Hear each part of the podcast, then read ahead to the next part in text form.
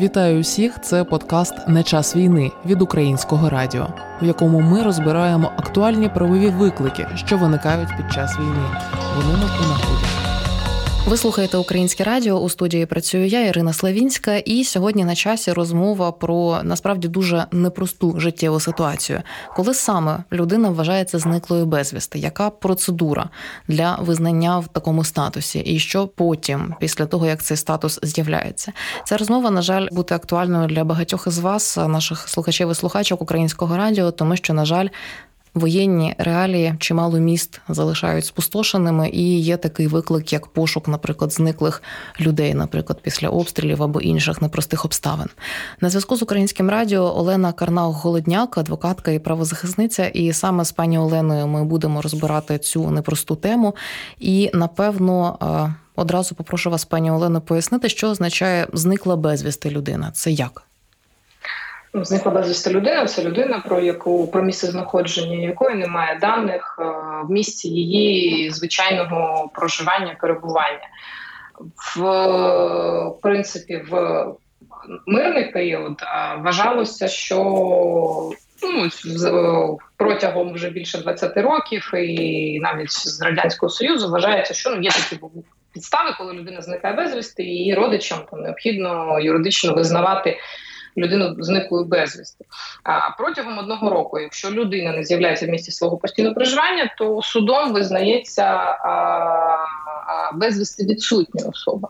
Особа зникла безвісти, це особа. А, яка про про місце знаходження якої а, немає даних, яка зникла за певних обставин, які а, ну у нас є наразі окремий нормативно-правовий акт, закон про зниклих безвісти не тільки в період 2022 року, він раніше приймався. І особа зникла безвісти. А це особа, яка про яку немає даних про її місце знаходження. Тобто, можливо, особа жива, але про її да, е, місце знаходження не знають ні родичі, ні роботодавець, ні там сусіди, знайомі і так далі. А для таких ситуацій, е, враховуючи ситуацію в країні, створено окрему процедуру для пошуку а, таких осіб, і тому а, дещо відрізняється звичайне розуміння особа. Зникла безвісті, особа безвісти відсутня. Безвісти відсутня це юридичний факт, уже такий який е, стався, який підтримується рішенням суду, встановлюється рішенням суду і несе більш серйозні наслідки. А а зникла безвісти особа, це щодо якої наразі немає даних про її зникнення, і є необхідність її розшуку. Тобто державні органи будуть вживати заходів щодо її розшуку. Я думаю, тут е, ми маємо змогу детальніше поговорити про процедуру, так коли саме людина вважається зниклою безвісти. Давайте уявимо собі таку гіпотетичну ситуацію родини, яка пережила непрості дні, припустімо. Десь під Черніговом або під Харковом, і має родича або знайомого, чи родичку, чи знайому, які десь поділися, так і немає доказів, і немає свідчень про те, що ця людина загинула, наприклад, і що ця родина, що ці люди мають зробити, аби цю людину визнали зниклою безвісти? По-перше, е, якщо є певна ситуація, е, як то розуміння, що було обстріли, окупація чи інша ситуація, так і просто нерозуміння, де перебуває людина, там загубилася в процесі евакуації е, і так далі. Треба звернутися до органів національної поліції. Органи національної поліції в нас е, виділені як е, основний центр комунікації з особами, які повідомляють про зникнення своїх знайомих, близьких, родичів. Тому звернення до національної поліції. Е, Національна поліція вже комунікує з Мінреінтеграції, з ДСНС, з іншими уповноваженими органами. Вони вносять дані про особу до єдиного реєстру. Тобто звернення заяви до органів Нацполіції перше, що треба зробити, протягом 24 годин мають внести дані про особу, яку шукають до єдиного реєстру. А поліція буде первісно вивчати ситуацію, чи є можливо певна інформація, які там номери телефонів з особою були на останній момент контакту, які можливі потенційні там зв'язки в інших регіонах, куди могла поїхати особа. Ну нас наразі найчастіше е, знаходять осіб за ну плюс-мінус номерами телефону, останніми їх місцями знаходження, якщо це не дай Бог, захоронення, інші ситуації. Дуже часто це допомагають е, номери телефонів. Е, звичайно, це особливі прикмети, одяг, речі, які були з особою. І е, в такому випадку поліція перевісно намагається визначити, чи ну, наприклад, якщо є сусід, який звернувся, що я тут не бачу два місяці мого сусіда. Родина дійсно просто еваку... евакуювалась, наприклад, в Тернопіль чи там Івано-Франківськ.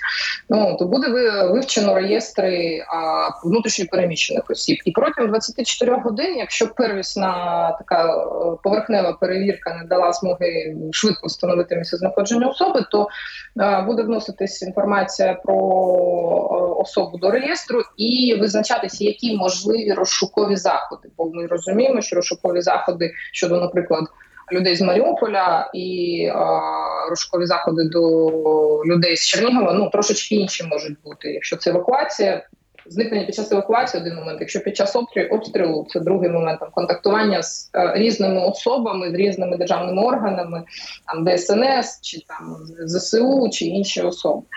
І а, розшукові формуються певні розшукові групи від конкретних випадків ну, якщо це ДСНС, наприклад, розбирання завалів, що ось є там інформація про те, що там міг знаходитися такий-то там така-то особа, або під час евакуації там ЗСУ, яке там потенційно супроводжувало або знаходилось в зоні дії обстрілів, е, де зникла особа під час там евакуаційного кордону.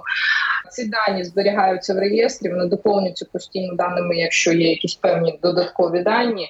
В тому числі і навіть ДНК профілями осіб. Звичайно, реєстр ну до нього доступ мають повноважені особи державних органів. Але хочеться сказати, що навіть громадські організації, волонтери, добровільні формування і власне громадяни України, які можуть допомогти в пошуку зникнення пошуку а, зниклих конкретних осіб або в конкретних ситуаціях, також залучаються державою до пошуку. Тобто тут не тільки там Е, держава отримала дані і там приходити через місяць або через два. Тут можна запитувати, пропонувати якісь допомогу, звертатися до інших е, до знайомих громадських формувань волонтерів, щоб також пропонували е, брали участь у пошуку зниклої особи. І ще таке запитання для уточнення: хто саме має право повідомити про те, що людина десь е, зникла? Чи це мають бути, наприклад, тільки близькі родичі, або навпаки, можливо, будь-хто може з такою заявою до поліції звернутися? За законом може звернутися будь-хто. Звичайно, визначається перше це родичі, близькі, роботодавці або інша особа, якій стало відомо. Треба розуміти, що якщо звертаються родичі, які офіційно зареєстровані з одним місцем е, е, проживання, то е, розуміння поліції буде швидше скажімо так, е, що дійсно особу ну не виходить на контакт з родичами, там з дітьми і так далі. Якщо це сусід, знайомий, або там людина каже, що я там кожен день зідзвонювався з другом, який живе в іншому регіоні, то трошечки інше буде звичайно перевірка даних, і можливо просто людина втратила телефон або там ну. Немає бажання ні з ким спілкуватися, або з цією особою конкретно спілкуватись. Ну уявімо через політичні погляди, ну наприклад. Тому звернутися може будь-хто. Дії мають бути в принципі однакові, однак ну це логічно розуміти, що ступінь спорідненості і зв'язку з зниклою особою буде також впливати на розуміння і а, визначення шляхів дій державних органів. Я нагадаю, що ви слухаєте українське радіо. З нами на зв'язку Олена Карнаух, голодняк, адвокатка і правозахисниця. Ми говоримо про те, які процедури існують для визнання людини зниклою безвісти, а також говоримо про те, що це таке. Зникла безвісти людина. Що це за статус? Ще дуже важливе запитання власне про час. Часова перспектива е, людини, яку мають чи можуть визнати зниклою безвісти. Ми вже дізналися, що будь-хто може повідомити поліцію про те, що певна особа десь зникла, з нею втрачено контакти, і ніхто давно не бачив, і потрібно її спробувати розшукати. І ось ви описали цю процедуру, що триває збір свідчень, може формуватися розшукова група, можуть долучатися звичайні пересічні громадяни до цього процесу якоюсь допомогою посильною. Як довго це може тягнутися до моменту? коли органи влади, чи поліція, чи суд, до речі, хто саме каже, все, ми не знайшли цю людину, вона оголошується зниклою безвісти. Процеси йдуть паралельно. Скажімо так, безвісти відсутній як юридичний факт для того, щоб потім там встановлювати там, наприклад, роз, розірвати шлюб або встановлювати там опіку над майном, або визнання вже оголошення особи померлою судом це юридичні, більш такі юридичні ситуації, які а, не несуть за собою розшуку, тобто активних дій по пошуку, це як необхідність для родичів близьких осіб встановлювати певні юридичні факти.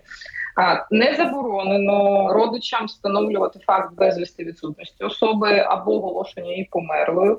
В умовах воєнних дій, скажімо так, застосовуються такі правила, звичайні правила. Це якщо протягом трьох років особи немає на місці, її можна оголосити померлою уже уже померлою. Ну тоді плюс-мінус розуміємо, що там відкривається і спадщина, і так далі. Якщо ж це воєнні дії, то після закінчення воєнного стану, але не раніше ніж через 6 місяців після зникнення особи а, в районі бойових дій. Шість місяців е, до можливості оголошення померлою, але це виключно загальні правила навіть у мирний час. При цьому розшук зниклих безвісти осіб за процедурою, яку конкретно встановлює окремий закон, не припиняє пошук особи, навіть якщо є майже достеменні підстави вважати, що вона була. На жаль, е, вбита або загибла е, до пошуку е, її місця захоронення або місця знаходження її останків. Тут ну, немає такого, що родичі кажуть, ми втомились, можемо не шукати. А держава бере на себе зобов'язання розшукувати до моменту знайдення або самої особи живою, де б вона не була, або її місце захоронення, знаходження її останків, де вони знаходяться. Для того щоб реалізувати цей юридичний трек, от ми щойно почули важливу річ. Я сподіваюся, що наші слухачі і слухачки звернули на це увагу. Одна річ це визнання юридичного факту судом про те, що людина зникла безвісти. Інша справа це пошук цієї людини, її розшук як такої, що зникла, і ніхто давно її не бачив. Якщо родині або певній особі е, з певних причин справді необхідний такий юридичний факт, може йтися і про майно, і про спадщину, і загалом про якісь е, життєві, суто сімейні е, речі, куди звертатися? Якщо необхідний юридичний факт, скажімо так, звертатися треба до суду. Зрозуміло, що людям найчастіше до суду не знають, як звертатися, що писати. Е, в такому випадку я б рекомендувала звернутися до центрів платної правової допомоги. Держава гарантує е, ряду осіб можливість отримати безоплатну правову допомогу це послуги адвоката, які оплатить е, держава по всій країні. Е, вже давно створені сотні цих центрів. Їх можна знайти легко в інтернеті за пошуком безоплатна правова допомога. Звернутися туди за консультацією. Якщо ж людина має можливість е, оплатити послуги адвоката і не входить до переліку осіб, у яких є можливість звернення за безоплатною правовою допомогою, то звертатися до адвокатів, щоб написати заяву до суду і зібрати докази попередньо, е, які будуть свідчити про момент зникнення, там потенційні ну надати суду потенційні документи, які підтвердять, що особа була там перебувала в зоні бойових дій, що буде свідчити про те, що потенційно вона є померлою.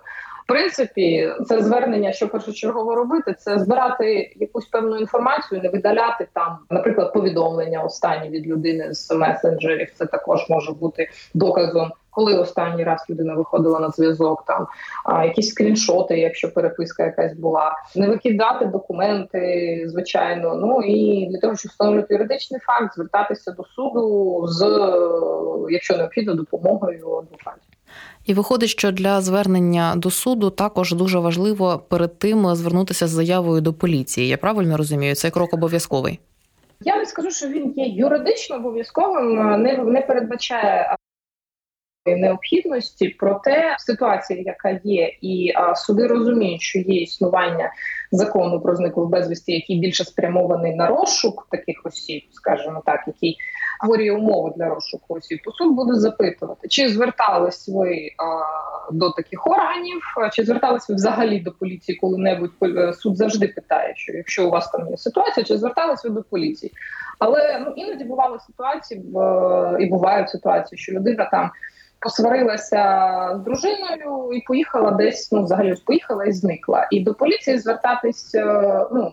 Іноді бувають ситуації, коли не зверталась. Але ну тут категорично радила б звертатись, навіть не дивлячись на те, що 100% обов'язку звертатись е, такого немає. Проте суду дуже серйозно суд буде ставитись до факту звернення особи до поліції про зникнення певної особи. І ще таке запитання знову таки в наявному воєнному контексті в Україні. Якщо ми говоримо про зниклих безвісти, чи існує з точки зору юридичної різниця між зниклими цивільними, військовими, зниклими на тимчасово непідконтрольних територіях? Це дуже важливе питання. Зниклі от розподілимо трохи зниклих безвісті військових. Це зовсім інша ситуація. Пошук через військові комендатури. Ну, якщо людина розуміє, що її родич воює і немає зв'язку. Перше, що треба звертатись, можна і до поліції, але у військових краще до військомату. До військової комендатури, з якою призивалася людина, або з якою укладався контракт. Якщо є можливість зв'язуватися з командуванням військової частини, до якої прикріплені, то також можна зв'язуватись. Є а, навіть гарячі лінії створені для військовослужбовців, щоб зрозуміти, чи вони потенційно загиблі, чи них просто немає можливості вийти на зв'язок і вони виконують бойові завдання, чи можливо особа потрапила в полон. І а, дії щодо військовослужбовців додаються до звичайних дій. Необхідність звернення в першу чергу до військомату тому що там є свої процедури, свої а, спеціальні підрозділи, які займаються, і органи, які займаються пошуком осіб і даними щодо цих осіб, які у яких немає даних щодо цивільних. А щодо цивільних осіб на скажімо, території, яка не є постійно окупованою. Ну, наприклад, це я маю на увазі там Донецьк, наразі Херсон, там ну тривалий час окуповано. Це так, це звернення до поліції. Статус у е, даному випадку і дії це звичайно звернення до поліції. Особа буде щодо неї будуть е, відбуватися розшукові дії, пільги гарантії е, встановлені законом про це. Я також пізніше скажу, також будуть зберігатися. А ось а, дуже цікава ситуація щодо осіб, позбавлених свободи на тимчасово окупованих територіях. Наша держава прийняла особливий такий нормативний акт, це закон про соціальний правовий захист осіб, стосовно яких встановлено факт позбавлення особистої свободи внаслідок збройної агресії проти України та членів їхніх сімей. Ось дуже багато питань. Ось Якщо в мене родичі там в Херсоні, в Мелітополі, і на них там вчиняється тиск, не дають виїхати. За проукраїнську позицію там закривають десь в підвалах, допитують і так далі. А щодо цих осіб наразі їх розшукувати, ну їх важко розшукувати, оскільки вони фактично місце проживання їх на окупованій території. А якщо є дані, що особа, наприклад, евакуйовувалась і вже була на підконтрольній Україні території, але десь по дорозі зникла, то поліція буде проводити розшук. Якщо таких даних немає. А ну тоді незрозуміло, ну навіть для ось логічно, якщо поліції або іншим органам, де де починати шукати. Звернення можливо, але ну, для реєстрації зниклих безвісти. Але я думаю, що тут буде, скажімо так, більше питань у органів поліції. Як впевнити, що особа дійсно зникла, а не просто перебуває під окупацією, немає зв'язку.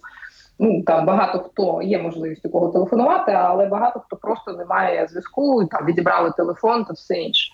На жаль, закон, який е, стосується конкретно осіб, які на окупованих територіях перебувають, він е, не дає ну як закон, такий реалії не дають можливості оперативно знаходити таких людей. Розуміємо ситуацію, що там фактично немає можливості здійснювати діяльність державним органом України на окупованих територіях після звільнення таких територій, як особи перебували на окупованих територіях, так і їх родичі зможуть звернутися для реєстрації як зниклих безвісти так і за встановленням факту позбавлення особистої свободи.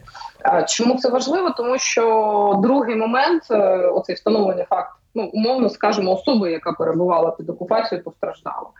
І позбавлялася свободи, то там є е, після встановлення такого факту певною комісією передбачено і виплати, і гарантується медична е, допомога і збереження робочого місця більш тривалий час ніж просто зниклих безвісти. І реабілітація, і психологічна, і, і і, освіта, і житло, і дуже багато інших плюс-мінус речей таких.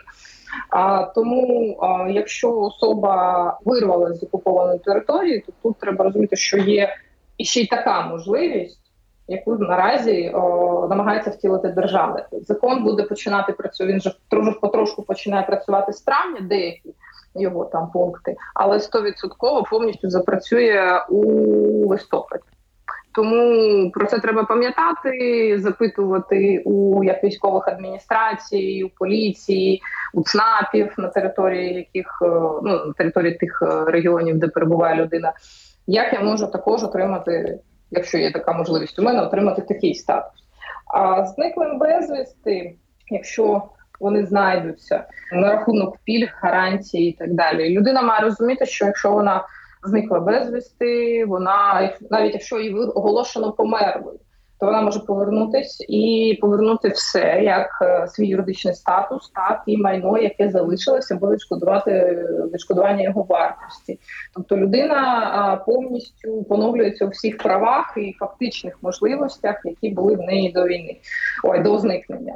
Так, і тут я думаю, нам потрібно зробити крапку з комою і окремо обговорити цю сюжетну лінію, але почну дещо здалеку. От якщо людина е, зникла безвісти, е, як довго за нею зберігаються? Якісь е, виплати, стипендія, зарплата, соціальні виплати, субсидії? В принципі, вони про виплачуються, проте людина користуватись ними зрозуміло, що фізично не може. Зарплата ну є дуже цікава така ситуація. Якщо у нас є постанова Кабміна і положення нормативного акту закону про зникли безвісти, що для осіб, які виконують функції держави, за ними Е, зберігається і виплачується середній заробіток. Тобто, якщо людина працювала, наприклад, в райдержадміністрації а, і зникла безвісти, то держава їй виплачує певні кошти, виплачує її після її повернення або її родичам. А, В принципі, родичі можуть просити їм виплачувати виплачувати певні кошти. Хоча я би радила родичам звертатися для отримання пенсії ті родичі, які знаходяться на утриманні особи, це непрацездатні батьки, непрацездатні там чоловік, дружина, малолітні діти. Е, Якщо особа зникає безвісти, а яка була їх годувальником, то можна звернутися за отриманням пенсії. Тобто, це, хоча б якісь не, не завжди великі, але кошти для наявності існування осіб, які перебували на утриманні.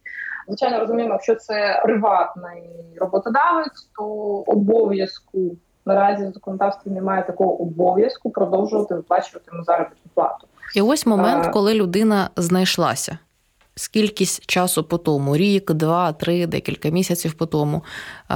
Ця людина, можливо, уже в статусі юридично оформленому зниклої безвісти. Як довго ця людина може повернути собі своє життя, документи, свій статус живої людини? Принципі, якщо людина, скажімо так, в звичайний мирний час, ну це плюс-мінус можна зробити за кілька тижнів ну, до двох місяців. В судовому порядку. А, в судовому порядку це плюс-мінус можна було б на це розраховувати, якщо це не умовно великі міста завантаженими судами. Розуміємо, що військовий час, е, розуміємо, що суди перевантажені дуже сильно тими, наприклад, в тому числі справами, які вивезені з е, і передані з під непідконтрольних територій, з територій, де суди розбомблені. А суди будуть намагатись розглядати такі заяви якнайшвидше. Вони мають за законом це робити, але знаємо, що навіть наші судові органи часто не реагують на зобов'язання робити щось якнайшвидше. Проте, якщо людину необхідно поновити в статусі, ну суду треба перевірити, що це точно ця людина. Ну Це перша, що необхідність, просто е, не можна сказати, що а ну ось тут є документи, там без виклику сторін, там без жодного вивчення. Суду треба переконати, що точно ця людина. І якщо у людини там є довідка з поліції, що це там 100% я там отриманий то в принципі час на це необхідний буде. У військовий час я б не розраховувала на строки, встановлені законом, що це там до кількох тижнів можна зробити. Але якщо вживати заходів, то навіть окремі закони. Про які я говорила, встановлюють, що повернення паспорта громадянина особі, яка була на окупованих територіях, повернення видача втраченого паспорта, там до трьох днів а закордонного до 10 днів. І я думаю, що процедура наявності наявність там визначила видачі документу про судового рішення про не про безвісти відсутність особи, а вона зможе паралельно відбуватись з видачою документів, якщо особа 100% там від відбитками пальців підтвердить, що це дійсно 100% вона. Тобто це будуть паралельні процеси. Я думаю, що найскладніше буде повертати в певних випадках майно, яке може бути вже там, наприклад, продане, реалізоване. Але паспорт, документи, роботу ну не так важко. Тут, по перше, треба звертатись до поліції, до органів міграційної служби, які займаються видачею паспортів, закордонних паспортів до ЦНАПів. І контактувати, скажімо, з мінреінтеграції, які уповноважені на розшук зниклих безвісти осіб, для того, щоб пришвидшити, якщо, наприклад, умовно районний центр е, і посадові особи державних органів не дуже розуміють, як їм працювати, то не покладати руки і шукати можливості виходити на вищий рівень, щоб роз... Е, надали консультації, наприклад, з вищого рівня, що робити.